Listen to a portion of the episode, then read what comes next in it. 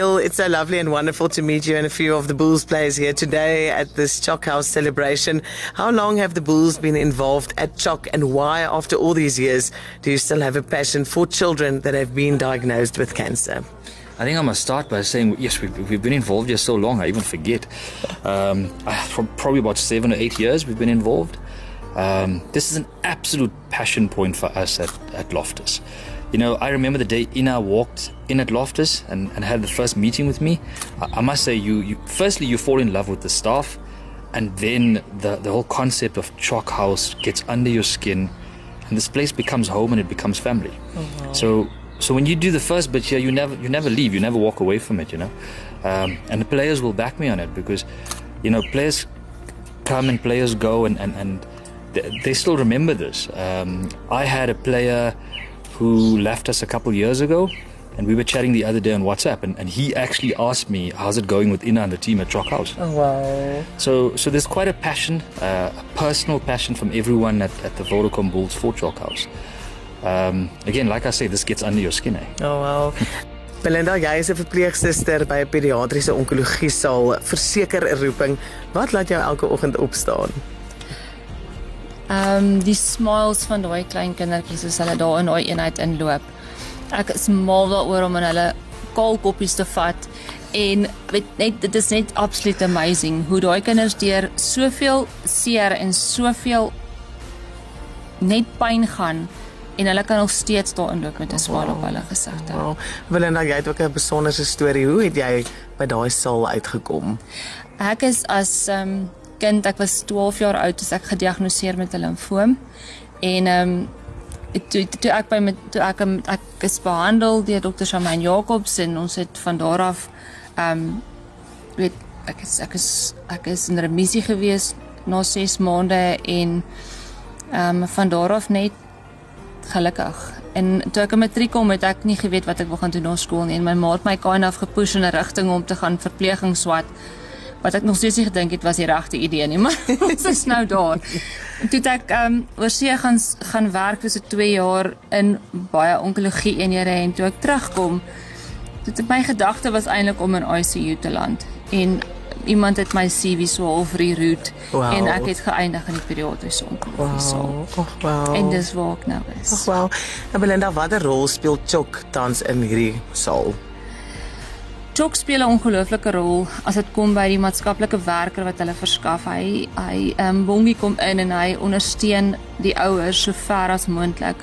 Ehm um, met emosioneel Chok ondersteun op 'n finansiële vlak wat dit kom by vervoerkoste wat hulle vir die pasiënte gee. Ehm um, met en dan ook die Chok huis.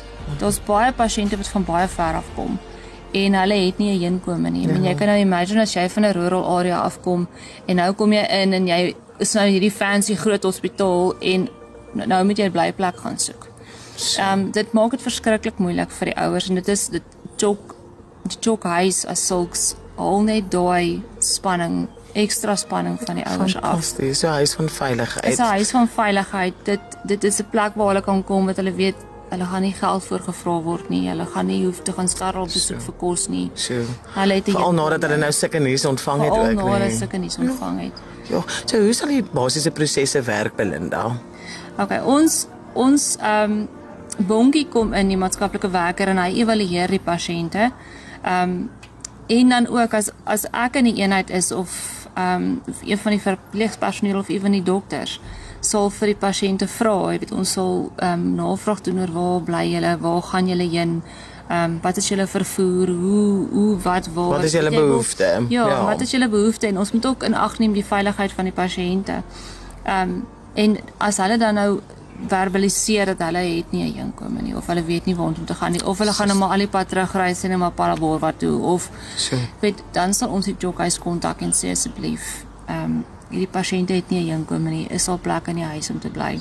Oh, fantasties. En dit is nou al op so 'n stadium met baie van die pasiënte gaan huis toe na hulle in die jokkies was en dan bel hulle self die jokkies en sê, "Hoorie, ons kom weer vir 'n week." Dan het ons 'n plek om te bly. Oh, fantasties. Nou Julle verwys families na die Chokkies, a home away from home. Maar wat is jou boodskap aan kinders en tieners wat tans hierdie moeilike pad stap? Want jy was nou ook self daardeur, so jy kan met 'n ander mate van deernis en empatie daaroor getuig ook Belinda.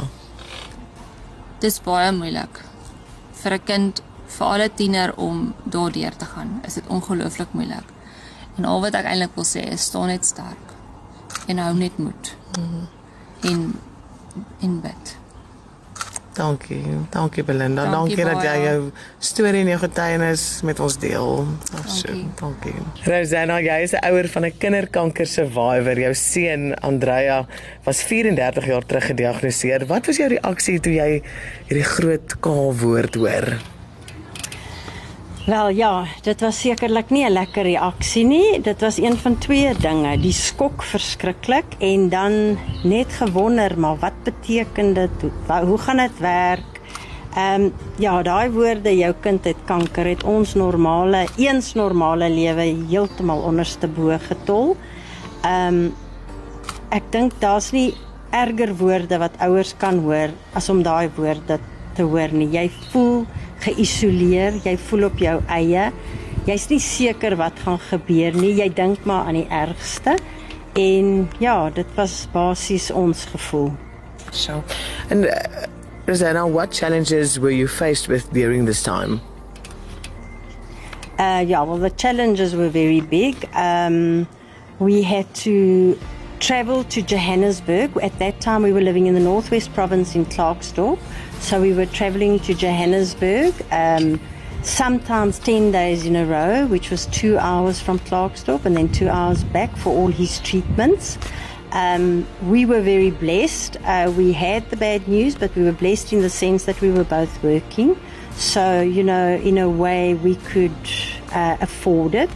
So, my heart goes out to people that hear the bad news and then, you know, also sit with it with a financial restraint.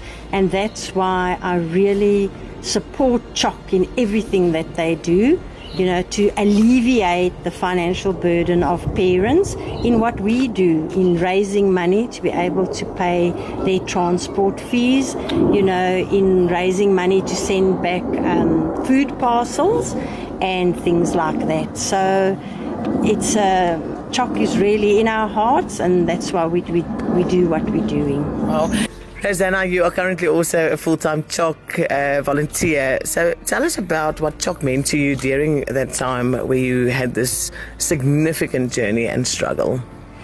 Well, in, during our struggle, they they were only starting to get to buy the chalk houses. They actually first bought the first chalk house in Johannesburg, where we were receiving treatment.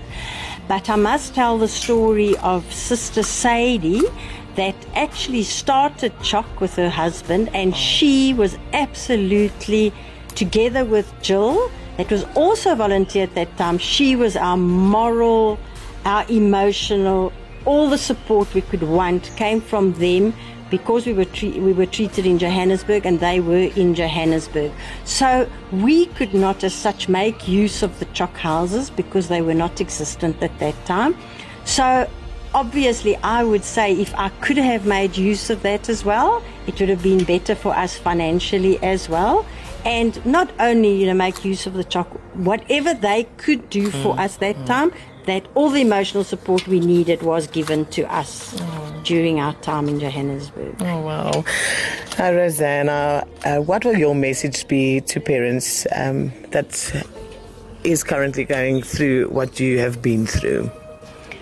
Well, each parent fights his own fight, obviously, but all I tell parents when I do see them is that they must stay positive because positive parents make a positive child. Um, they must just think ahead, they must just be strong, and they must just try and fight the challenges, you know, a little bit at a time, and just take the most important is take one day at a time. Oh, wow. Thank you so much, Rosanna, and we are grateful and thankful um, that you can share your journey. And we are so happy for Andrea and your whole family that uh, through these struggles, there are so many victories to, to testify about. Thank you. Thank you very much. And also, what I also wanted to say is it's not only the child that suffers, it is also the whole family, mm. you know, that does suffer through this journey. So, oh, wow. thank you very much for the opportunity. So liewe Ina, julle doen uitsonderlike werk en die Chokhuis is 'n vertrekpunt van 'n baie wyeer platform vir verskil maak. Dankie vir dit wat julle vir soveel kinders en hulle ouers doen. Ons kom sê vandag vir julle dankie. Ons weet julle fondsinsamelingsprojekte was ook op die ys as gevolg van die inperking vir ehm um, afgelope 2 jaar. So vir bietjie verligting skenk Superspar Moreletta graag vir julle kruideniersware ter waarde van meer as R4000. Ongelooflik. Ehm um, ons gaan dit so ongelooflik gebruik. Chokhuis food parcels of voedselpakkies. Dit is 'n groot behoefte. Ja, oh, dankie. Nou, dankie vir daai lysie wat jy deurgestuur het. Men weet en wat ons beplan. Dan het ons ook vir die kinders wat vandag hier is, wat kom wyntjies gebring uh, met 'n reënboog op wat net sê his promise remains in you. Ehm um, en dit is absoluut van die personeel almal wat agter die skerms tot op die voorgrond, almal wat in die hospitale vir Chok ook uh, verteenwoordig en help elke liewe vrywilliger. His promise remains in you. En dan terwille van so 'n bietjie van 'n hoopstoot wil ons vriende by Ecomed Medical graag ook vandag vir julle R10000 skenk. Wow. So nee, ehm, um, sjoe, dit maak my altyd baie emosioneel as mense dit doen, want ek sê altyd daar's ongelooflike hart in Suid-Afrika. En Groot FM het ek al keer en keer en keer gesien die hart agter julle. So baie dankie. Ehm um, dankie dat julle ook die personeel aandink in die sale want hulle is ook deur 'n rowwe tyd met COVID en was daar so saam met ons. So 'n groot dankie van Jock se kant. Ag, maar dankie vir dit wat julle doen en se voorreg om 'n pad saam met julle te stap in 'n pad van oorwinning. Dankie Ina. Nee, baie dankie en dankie vir daai groot groot groot hart.